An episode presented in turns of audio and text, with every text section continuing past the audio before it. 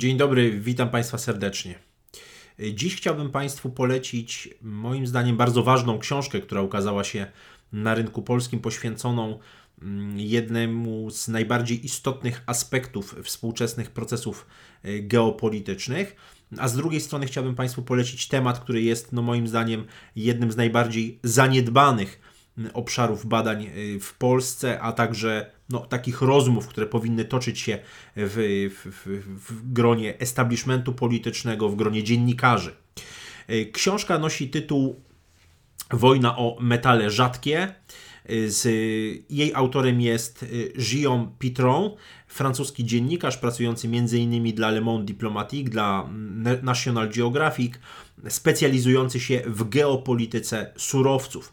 Książka we Francji została wydana w roku 2019, natomiast polskie tłumaczenie ukazało się w roku 2019 nakładem wydawnictwa Kogut.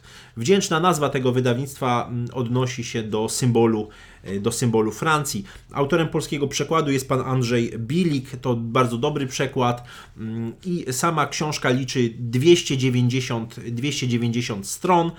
Zawiera bardzo cenne aneksy, o których jeszcze, jeszcze powiem. W sensie kompozycyjnym, w sensie układu jest podzielona na 9 na 9 rozdziałów. Bardzo ważny jest podtytuł tej książki, mm, ponieważ y, odnosi się, można powiedzieć, do istoty. Y, ukryte oblicze transformacji energetycznej i cyfrowej. Mm, I rzeczywiście ta książka już, w, można powiedzieć, w samej zapowiedzi mm, jawi się jako taka, można powiedzieć, kontropowieść o transformacji energetycznej. Tak zresztą jest przedstawiana ta, ta publikacja. Kontropowieść o transformacji energetycznej, rewolucji cyfrowej i przemianie ekologicznej. Guillaume Pitron pokazuje, że mm, to, co nazywamy właśnie green tech, y, zielonymi technologiami, to, co nazywamy właśnie, mm, no można powiedzieć, takim nowym zielonym ładem, ma swoje bardzo czarne oblicze, a tym czarnym obliczem jest wykorzystywanie mm, metali ziem rzadkich do owej, do owej transformacji.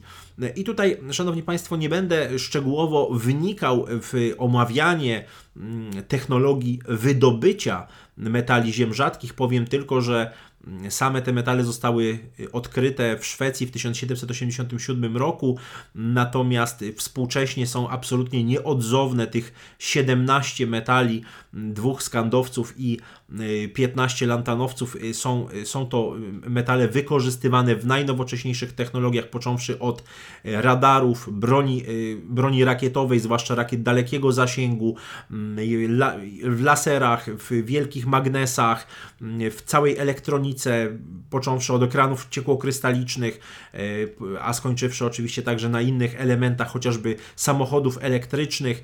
Mm, warto dodać, że samochody hybrydowe czy samochody elektryczne zużywają e, dwukrotnie więcej mm, metali ziem rzadkich niż samochody takie klasyczne z, z silnikami spalinowymi.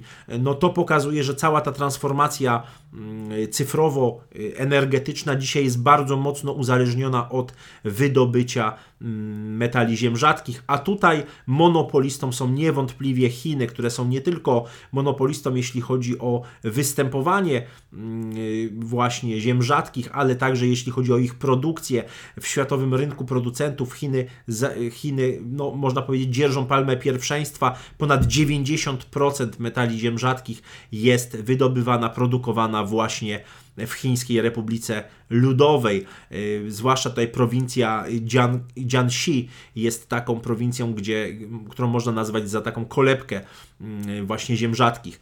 Natomiast jeżeli chodzi o wspomniany aneks, bo do samej książki jeszcze, jeszcze wrócę. Książka jest napisana przez dziennikarza, zatem jest napisana językiem bardzo lekkim. Tę książkę się bardzo dobrze czyta. Książka pokazuje różne aspekty, tłumaczy czym są ziemie rzadkie, jak te metale się y, wydobywa, właściwie jak, jak, jakiej obróbce się podaje, jak w dwóch słowach oczywiście powiem, jak to, jak, to, jak to wygląda. Pokazuje, dlaczego Chiny dzisiaj są głównym beneficjentem mm, właśnie tego wydobycia.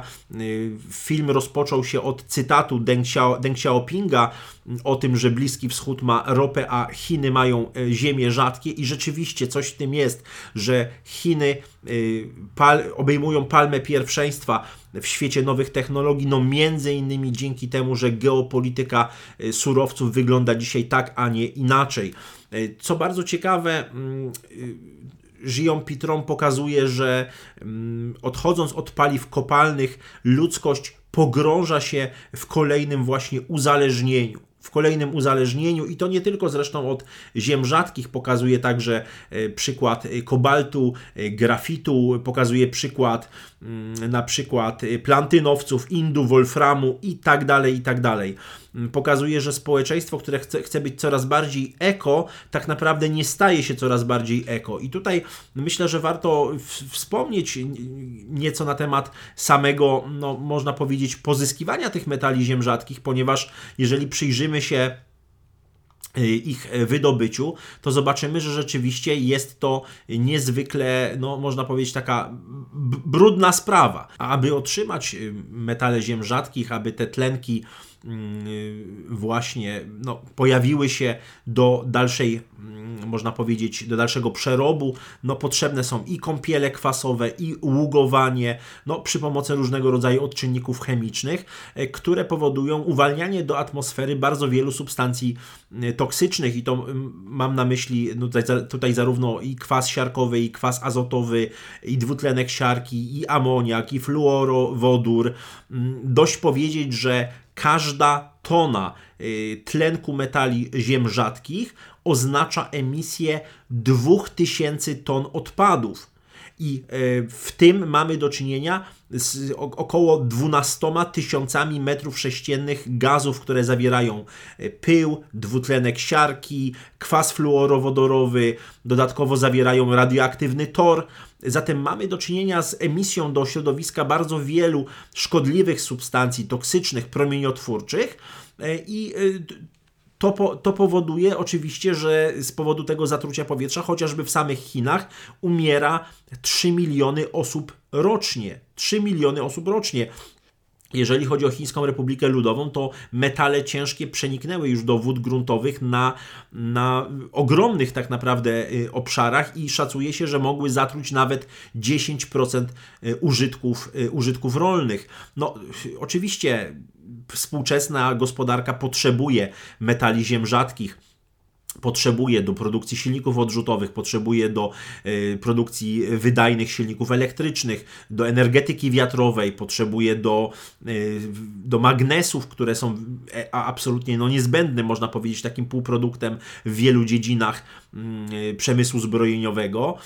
I to oczywiście, to oczywiście pociąga za sobą kolejne nakłady, można powiedzieć, na, na ten y, cały sektor wydobycia i przetwórstwa y, metali ziem rzadkich. Zresztą, biorąc pod uwagę wszystkie y, urządzenia elektroniczne, takie jak komputery, tablety, telefony, prawda, ekrany szeroko szeroko wykorzystywane, chociażby w obiektywy kamer, to wszystko, nagrywarki DVD, to wszystko, te wszystkie, te, ta cała elektronika użytkowa wykorzystuje właśnie metale ziem rzadkich. I pokrótce tylko wymienię te metale ziem rzadkich mm, gwoli oczywiście takiej tutaj tej ścisłości, czyli mamy do czynienia z, z takimi pierwiastkami jak skant, e, itr, lantan, cer, mm, prazeodym, neodym, promet, samar, europ, gadolin, terp, dyspros, holm, erp, tul, iterp i, i lutet. Oczywiście w szeroko pojętej, można powiedzieć, tej produkcji metali ziem rzadkich, warto zauważyć, że one są, tak jak powiedziałem, mm, niezbędne w transformacji energetycznej, w, do zastosowań chociażby w produkcji samochodów elektrycznych. No myślę, że y, warto tutaj pokazać ten aneks, o którym już wspominałem. Mamy do czynienia, mamy tutaj pokazane ile y, metale ziem rzadkich Y, gdzie występują w samochodach y, elektrycznych. Mamy pokazane, y, gdzie występują, jakie pierwiastki występują w iPhone'ach. Bardzo ciekawy zresztą jest ten, ten aneks. Mamy tutaj mm, podane udział Chin w światowym wydobyciu i produkcji metali. Mamy zestawienie recyklingu metali, wskaźników recyklingu. Jest podany cykl życia metali, udział Chin w światowej produkcji niektórych surowców i, i, e, i produktów. No, rzeczywiście robi to, robi to wszystko wrażenie.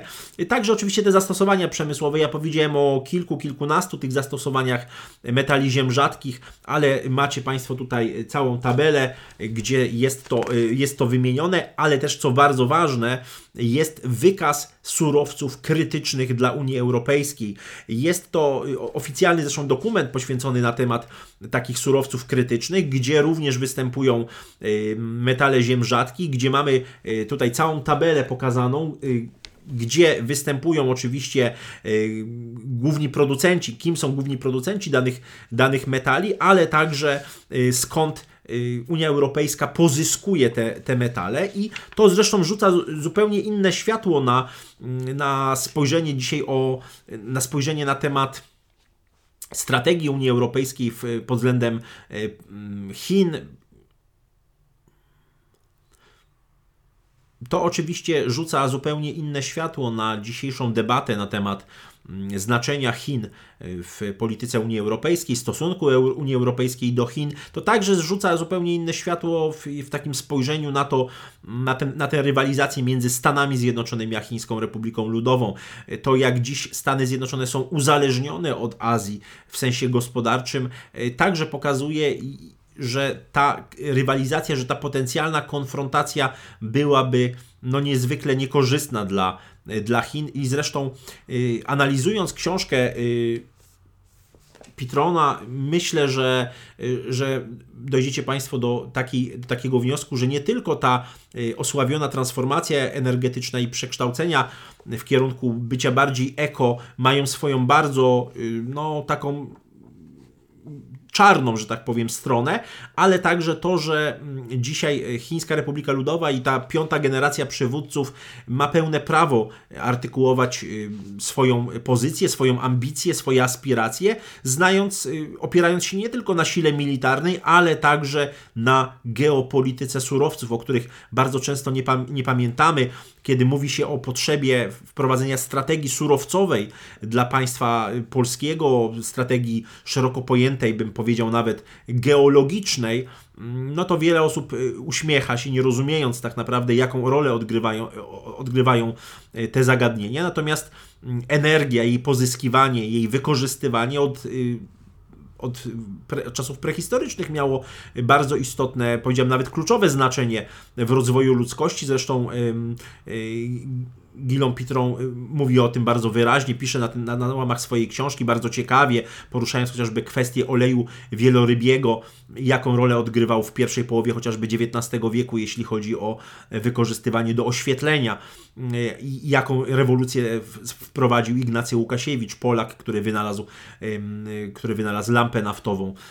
I cała ta książka jest pełna różnego rodzaju ciekawostek, ale przede wszystkim jest bardzo zwarta, jeśli chodzi o proces myślenia, logicznego myślenia e, i to pokazywanie różnego rodzaju e, właśnie, no takich można powiedzieć, e, procesów, których, z których, które na, na, na co dzień każdego z nas dotykają, ale nie każdy z nas uświadamia sobie ich wagę, ich rolę i znaczenie. Każdy z nas korzysta z elektroniki użytkowej. Państwo, mm, słuchając tego odcinka, tej recenzji, korzystacie Państwo z metali ziem rzadkich. Ja zresztą mówiąc do Państwa, mówiąc przez obiektyw, e, mówiąc do obiektywu kamery, w którym znajdują się e, metale ziem rzadkich, również z nich korzystam i je, jesteśmy tutaj, można powiedzieć, beneficjentami tego, e, tego procesu globalizacyjnego, gdzie głównym graczem stają się, staje się Chińska Republika Ludowa. Jest Chińska Republika e, Ludowa. Chciałem jeszcze Państwu zwrócić uwagę na, mm, na te kwestie, które, mm, które są poruszone